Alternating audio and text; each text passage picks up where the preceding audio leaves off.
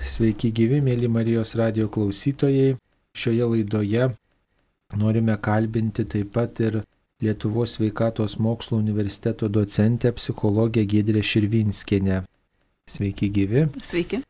Ir kalbamės apie patyčias, taigi noriu psichologės klausti, kiek tos patyčios yra išplitę mūsų visuomeniai. Žinom, kad patyčios atneša tokių labai liūdnų vaisių, žmonės tikrai nusimena į stresą, į puolą, į tokį liūdėsi, kartais netgi pasirenka labai tokius drastiškus metodus, ne tik tai palieka darbovietę, bet netgi pasiryšta savo gyvenimą baigti savižudybę, tenka visuomenė girdėti tokių net reiškinių. Tai kiek yra tas patyčių tarp suaugusių, tarp vaikų, tas mastas išplitęs mūsų tėviniai? Tai iš tiesų patyčių rodikliai Lietuvoje tikrai yra aukšti ir taip pat įvairiose amžiaus grupėse. Tai, sakykime, moksleivių tarpe, vat, 2018 metų duomenimis, e, mokinių sveikatos ir gyvensinos tyrimo duomenimis, kurio metu buvo apklausti apie 4000 mokinių, paaiškėjo, kad 28 procentai mokinių teigia patiriantis patyčias.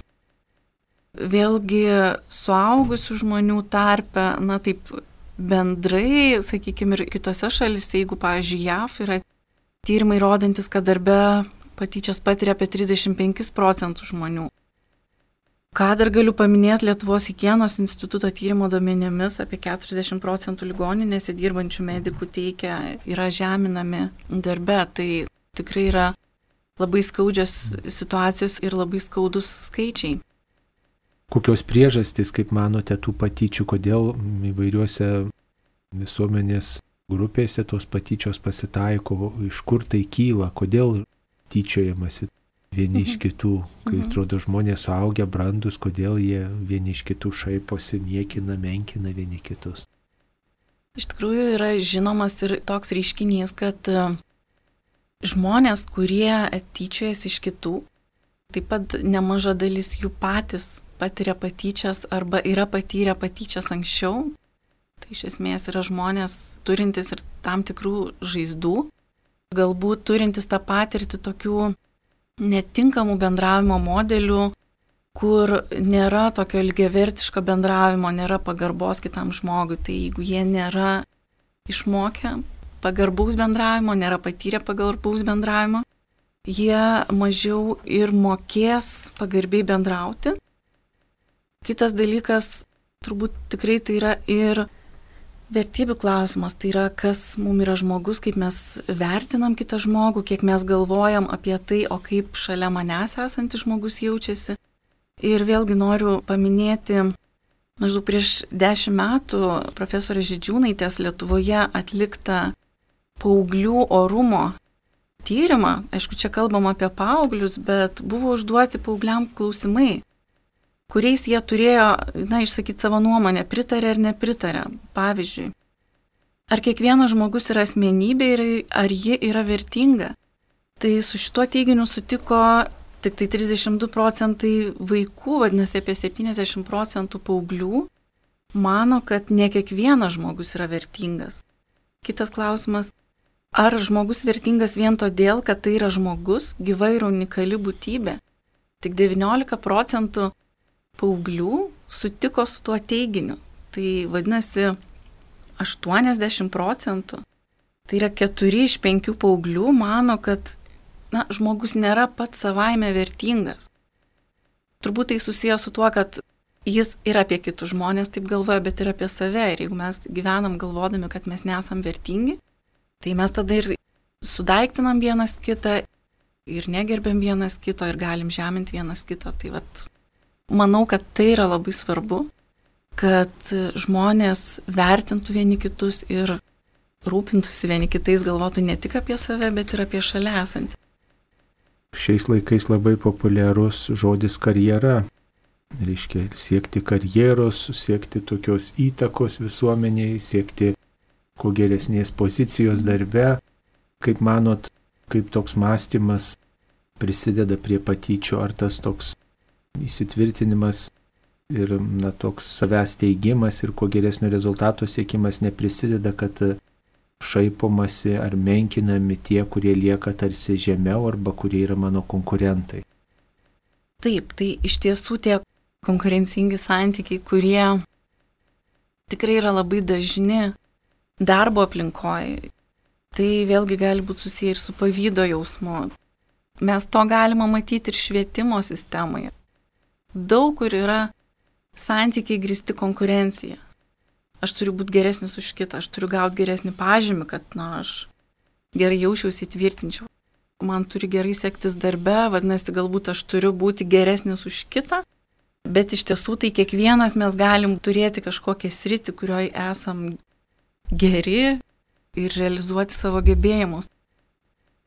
Iš tikrųjų būtų svarbu daugiau, kad siekti bendradarbiaujančio santykių, kad būtų bendradarbiavimas.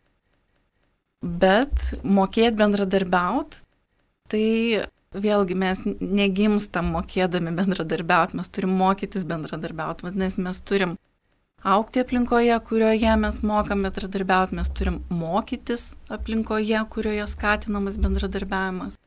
Ir pati organizacija Taip pat kaip organizacija labai svarbu, kad dėtų pastangas į psichologinio klimato gerinimą, į bendradarbiavimo skatinimą. Na, vieną pavyzdį pasakysiu, tenka dirbti vėlgi su studentais įvairių profesijų, įvairių specialybių, taip pat ir su medicinos studentais. Ir seminaro metu, kurio metu kalbame apie konfliktų sprendimo strategijas, kurios vėlgi yra konkuravimo strategija, yra vengimo, nuolaidžiavimo ir yra pati efektyviausia bendradarbiavimo strategija, tai kai studentai įsivertina savo, kokie jie konfliktų metu taiko konfliktų sprendimo strategiją, tai na paprastai paklausiu, kas gavote, kad bendradarbiaujantis esate, kad bendradarbiavimu sprendžiate konfliktus, tai iš 20-30 studentų auditorijos paprastai pakyla 3, 4, maksimum 5 rankos. Tai reiškia, kad dar reikia daug tikrai ir apie tai galvoti ir tobulinti savo įgūdžius ir galvoti, o kaip bendradarbiauti, kas reiškia, kad aš rūpinosi ir savimi, ir kitu, kad aš nei savęs nuvertinu kito žmogaus atžvilgių, nei iškeliu savęs ir savo tikslų aukščiau kito, kad aš ieškodamas kažkokių sprendimų, kad ir labai konkrečių užduočių darbo metu sprendimo, kad aš galvoju, apie mus kaip apie komandą, ką daryti, kad ir man būtų gerai, bet ir kad kitam būtų gerai. Kaip siekti to lygiai verčio santykio. Bet konkurencijos sąlygom turbūt tas silpnesnis žmogus, jis yra nustumiamas, jis yra pašiepiamas, jis yra ignoruojamas, net tų patyčių formų turbūt yra labai įvairių. Vienas tokia yra labai atviras šaipimasis, menkinimas kito, kitų akivaizdoje. Kitas dalykas toks ignoravimas žmogaus ir tam tikras toksai cinizmo pritaikymas, juk žmonės susiduria su tokiais reiškiniais, kai viršininkas arba bendradarbiai, pavyzdžiui, tie, kurie dirba panašų darbą, tą patį darbą, reiškia tokių, tokių replikų ciniškų pritaiko tam, kuriam sunkiau sekasi. Tai kiek, reiškia, darbdaviai suinteresuoti savo kolektyvę šitą dalyką išgyvendinti, kaip manot? Kiek jie yra ir kiek turėtų būti yra klausimas. Čia reikėtų jau giliau pasidomėti. Aišku, yra visokių vadovų. Ir patyčios, ar kaip mes pavadintume dar kitaip, mobbingo, ar ne, dažnai naudojamas tas terminas, kalbant apie organizacijas. Tai yra tyčiniai ar pasikartojantis veiksmai, kuriais siekiama įžeisti, skaudint, pažemint ir paprastai tai sklinda iš didesnę galę turinčio žmogaus. Tai pirmiausia yra klausimas, o kaip su vadovu, kaip jisai pats bendrauja, koks yra jo santykis su darbuotojais ir nežinau, nedrįšiau tikrai sakyti procentiškai, kiek kokių vadovų yra, bet tikrai yra labai skaudu girdėti ir tikrai tenka girdėti, kai iš paties vadovo yra labai didelis nesiskaitimas, negerbimas žmogaus, tokių sąlygų labai sudėtingų sudarimas ir ypač jeigu tai yra, sakykime, žemesnio išsilavinimo žmonės, jeigu dar yra paprastesnės tos darbo pozicijos, kur darbdavi žino, kad, nu, tai ne vienas, tai kitas, tai tikrai būna daug žmonių, kurie labai kenčia. Tai vienas dalykas pačio vadovo samoningumas, žmogiškumas, asmenybės brandumas. Kitas dalykas, jeigu jis pats tikrai yra sąmoningas ir, ir brandus kaip asmenybė, tai aišku, jis galvoja ir apie tai, o kas tada vyksta kolektyve ir kiek yra toleruojamos tos patyčios žeminimai ir kiek yra įdedama pastangų vis tik tai į komandos formavimą, į klimato psichologinio organizacijos gerinimą. Ir aišku, tie dalykai, jeigu jie yra sprendžiami, jie tikrai yra išsprendžiami. Aišku, žmonės skirtingi ir jie renkasi tikrai skirtingus būdus, bet kartais, kaip jūs sakote, tikrai jie būna labai tokie, gali būti net išoriškai nelabai pastebimi, bet, na, saugę žmonės, jie tikrai kartais labai žino, per kokią silpną vietą taip truputį pataikyti ir įskaudinti ir žaisti. Bet vėlgi, vat, kaip ir su smurtu, su patyčiom, šitais klausimais visada yra jos klesti tol, kol jos yra, na, tokios tarsi nematomos, užslėptos, kai jos yra iškeliamos į šviesą, kai mes vardinam, kad jos yra, kai mes jas matom, kai mes pradedam apie jas kalbėti, tada tai yra tikrai na tas kelias į tai, kad tai galima išspręsti. O kas turėtų kalbėti, štai pavyzdžiui, kolektyvę bendruomenė, kokioje girdim, kad iš vieno kažkokio nario šaipomasi, tarsi žmogus iš šalies mato, kad yra auka ir yra tas agresorius, tas, kuris mhm. šaiposi, niekina ar mhm. viršininkas ar bendradarbis. Kaip reikėtų reaguoti, kaip jūs patartumėt kaip specialistė? Ar reikėtų kažkaip paguosti tą skriaudžiamą žmogų, kuris gal ir verkia, nusimena ir jam viskas iš rankų krenta, ar reikėtų sakyti tam viršininkui, ką tu čia darai, liaukis greičiau ar panašiai, ar ignoruoti, kokia ta būtų pozicija išmintingiausia. Labai skirtingos situacijos, bet vienas vis tiek tas principas tai yra, jeigu yra agresorius, jeigu žmogus, iš kurios klinda patyčios ir žmogus, kuris jas patiria, ir vėlgi yra tada dar kiti žmonės, Tai yra labai svarbu, kad jie neliktų toj neutraliojo, tokioj pozicijoje. Tokio nieko nedarančio, tarsi apsimetančio, kad nieko nematau ar neužsidengiu akis ausis.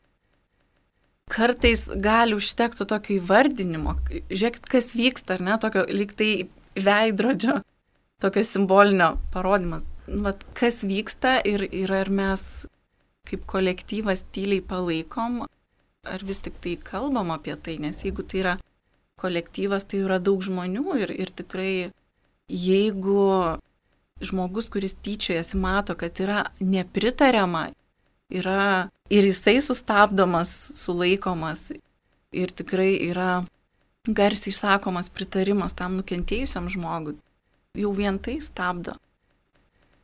O kaip reikėtų reaguoti tam, kuris nukentėjo, kuris patiria va, tokį ignoravimą, nuolatinės replikas, tam tikrą tokį spaudimą, gal tokius ciniškus juokelius, tokius nuolatinį tokį pažeminimą, va, vis kažkas netinka atliktam darbę, vis viršininkas ar kiti žmonės ieško priekabių, sumenkina tą darbą.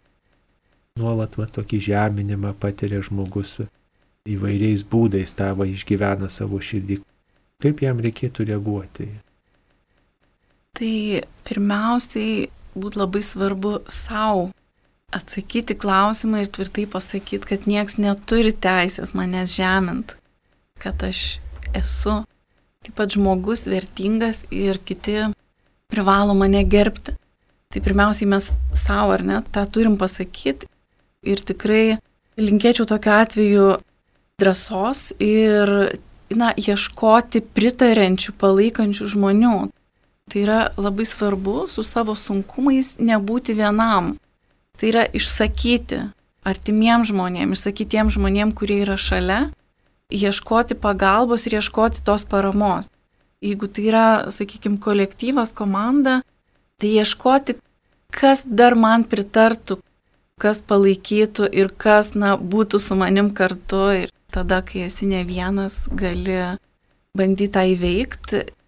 Ir aišku, situacijos skirtingos, bet iš esmės na, visada yra svarbu ieškoti pagalbos ir ieškoti būdų, kaip iš tos situacijos išeiti.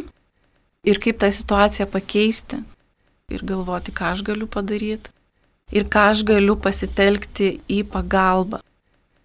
Dažniausiai žmonės bijo, jeigu, sakykime, išviešinsiu šitą dalyką, tai dar labiau nukentėsiu ar atlaikysiu, neteksiu darbo arba dar ta kritika bus didesnė, dar tas paniekinimas bus didesnis, galbūt dar ir bendradarbiai sukils maždaug, o ką tu čia galvoji savo, maždaug juk ir, konkurencija ir į tavo vietą dar daug žmonių gal laukia. Ir žmonės dažniausiai turbūt bijo ir tyli ir tiesiog sukanda dantis ir, kaip sakant, kiekvienas nusistato savo tą psichologinio skausmo slengsti, kiek gali pakelti. Mhm. Ir tiesiog tyliai kenčia, galbūt savy užsidaro, ir gal pasiguodžia patiem artimiausiam žmonėm, gal pas specialistus kreipiasi, bet žinot, dažniausiai žmonės išklauso, palinguoja galvą ir viskas, o problema tarsi tęsiasi. Žinot, nu yra du tokie, jeigu taip kalbėt apie įveikos būdus streso ar kažkokių sunkumų, tai vienas yra į problemą orientuota įveikia. Tai yra, kai mes aktyviai bandom išspręsti problemą ir tai tikrai yra labai svarbu, nepasiduot, bet ieškoti problemos sprendimų būdų.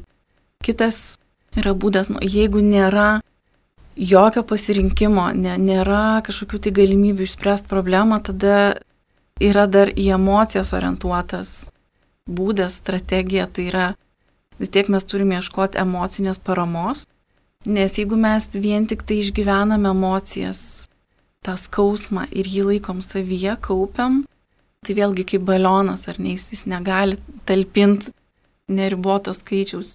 Vis tiek kažkada mes rizikuojam prieiti tam tikrą ribą, kurią jau bus sunku pakelt. Jeigu jau tikrai nėra galimybių kažkaip tai išspręsti tos problemos, tai bent jau tada yra labai svarbu ieškoti emocinės paramos pagalbos, kas suprastų, kas išklausytų.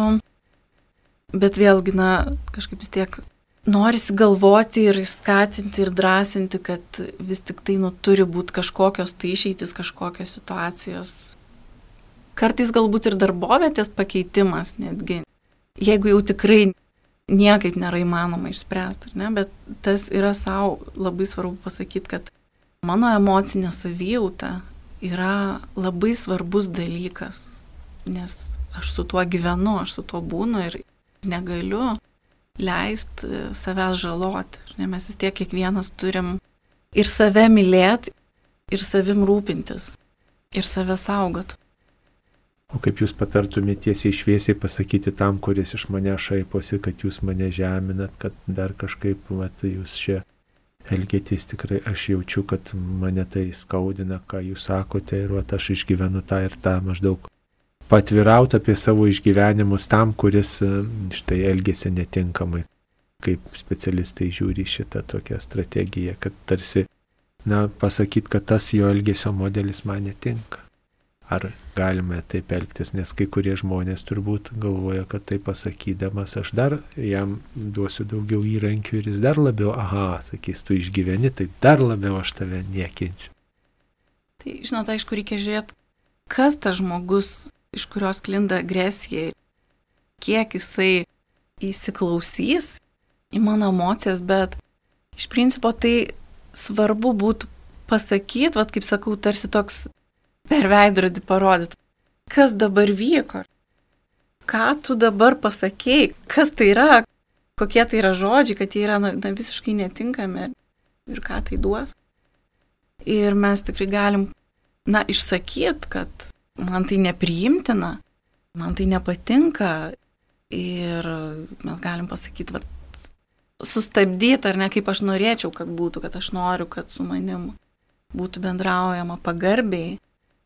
Tai tikrai reaguot, sakyt, bet su drąsa, su tvirtumu, tai tikrai išeiti iš tos, na, silpnojo tokios pozicijos. Aišku, Dažnai tai gali būti gal kažkokia aukštesnė pozicija, pareiginė, bet kaip žmonės mes esame visi lygiaverčiai. Ir nieks neturi teisės, net ir turėdamas aukštesnę poziciją, kažkaip tai žeminti. Dar viena tokia mintis. Yra toks požiūris, ypatingai pasiguodžiant kitiems žmonėms, dažnai galim išgirsti ir tokį patarimą turbūt iš kitų žmonių, ypač tokių linksmėsnių, optimistų, kad, nu tai tu atsipalaiduok, aš čia tokio maždaug ir gal tikrai kartais reikia pasižiūrėti su humoru, nu pasišaipė, pasakė, tai čia jo problema, kad jisai, o kodėl aš turėčiau čia, kaip sako, imti giliai į širdį, kodėl turėčiau dėl to pergyventi šaiposi gal iš mano blogai atlikto darbo, gal iš mano kažkokios savybės, kurią aš turiu, nu, bet tai nu, vis tiek tai nėra mano esmė. Net ir viena kokia savybė, tai nėra visas aš ta savybė, kad štai pavyzdžiui turiu kažkokią įdarbą, kažkokį netinkamą įprotį, bet tai nesu aš visas pats. Ir galbūt tikrai pasišaipyti ir pačiam iš tos situacijos, kaip jūs kaip psichologija patartumėte būtų galbūt tai išeitis pažiūrėti linksmai į save iš šalies, ypatingai kai kiti, va, kaip sakant, e, žiūri linksmai ar, ar pašaipiai ar niekinančiai. Ir galbūt tokiu būdu nuginkluot, kai matys tas agresorius, mhm. kad aš irgi nusijuokiu, kad aš irgi pasišaipau, galbūt tai bus neveiksminga ta pašaipa ir jinai tiesiog išgaruos. Čia tokius du momentus labai svarbius jūs palėtėt. Vienas dalykas, aišku, humoras, taip, bet kitas dalykas tikrai, ką dar labai irgi norėčiau akcentuoti, tai kai yra patyčios, patyčių kažkoks tai atvejs, ar ne, kažkas tai žemina. Tai tam žmogui, kuris yra pažemintas, yra svarbu žinot, kad čia ne tiek apie mane yra, bet tai labai daug sako apie tą žmogų, kuris tyčiojasi. Ir jeigu jis tyčiojasi, tai reiškia, kad jis iš esmės tai yra silpnas žmogus kad jis iš esmės tai jis yra sužeistas labai žmogus, kad jis yra nebrandus žmogus. Brandi asmenybė niekada nežemina kito ir nesityčia. Tai truputį jau tai gali padėti pamatyti visai kitaip tą kontekstą. Ir kitas dalykas, dar tokį pavyzdį pasakysiu, tik jau dabar neįbeivardinsiu nei konkretaus filmo pavadinimo, bet, nu, va, toksai vienas siužetas yra kažkur tai, kai, na, pavyzdžiui, mokyklą ateina nauja mokinė, na, labai apkūni, ar ne? Ir jau visas tas vaizdas jau rodo, kad visi pamatė tiesiog akivaizdu, kas toliau bus, kad toliau tai bus patyčios. Na, jos klausimo, koks tavo vardas, ir jinai save pristato, aš esu storulė, ten toliau nebeatsimenu, koks vardas, Sara, pavyzdžiui. Ir viskas ir yra nuginkluojami visi, nes pats žmogus, aš esu starulė, taip, laba diena, aš esu starulė, Sara, nu ir ką jūs man dar turit kažką dar pasakyti? Ne. Ir pasirodo, nebeturi nieks kitas nieko daugiau pasakyti ir viskas, jokių patyčių nėra. Kartais taip, tikrai, tikrai kartais tiesiog galbūt kitų kampų kažkaip pažiūrėti, bet vis tik tai, na, nenorėčiau numenkinti truputį tų dalykų ir tikrai žmonės kartais tikrai patiria patyčias ir iš aplinkos girdi, nu tai ką tu čia ar ne, nekreip dėmesio, čia gal tik tai pajokavo. Nu, jeigu tas pajokavimas yra toksai tikrai nuolatinis, tai nebėra tie dalykai, į kuriuos reikėtų visada numot ranką. Kaip vis tiek reikėtų reaguoti tada, kai matau, jog vis dėlto nesikeičia situacija, sakykime, ir pasipasakoju ir su darbdaviu kalbu, Nu, vat, jeigu neišeina net ir tą darbą pakeisti ir, sakykime, aplinkybės taip susideda, kad turi žmogus dirbti. Ir, ir sakykime, vis kelia, kelia tą klausimą, bet nesikeičia ta situacija. Tai kaip išgyventi tokiuose situacijose, kaip išbūti, kai vis tiek nesikeičia padėtis. Nors ir tas mėginta, ir tas mėginta. Man visą laiką norisi taip sakyti, kad vis tik tai vis tiek nenustoti ieškoti išeities, tas toks niekada nepasiduot. Bet kita vertus, jeigu jau tikrai taip yra, kad jau visiškai, visiškai kažko tai nieko negali pakeisti ir tiesiog turi būti toj situacijai, tada galbūt pakeisti mąstymą, kaip žiūrėti tai, kažkaip atsiriboti emociškai nuo to. Bet vis tiek aš pirmiausiai sakyčiau, kad vis tiek yra labai svarbu ieškoti išeities ir nesusitaikyti su tuo, bet kartais gali padėti tas požiūrio pakeitimas, jeigu mes matom žmogų, kuris žemina piktai kalbą, gali padėti mums toks požiūris, kad mes žiūrėsim, nu, kas jis čia ir ką jis daro, jam tikrai kažkas yra negerai, ne viskas tvarkoja.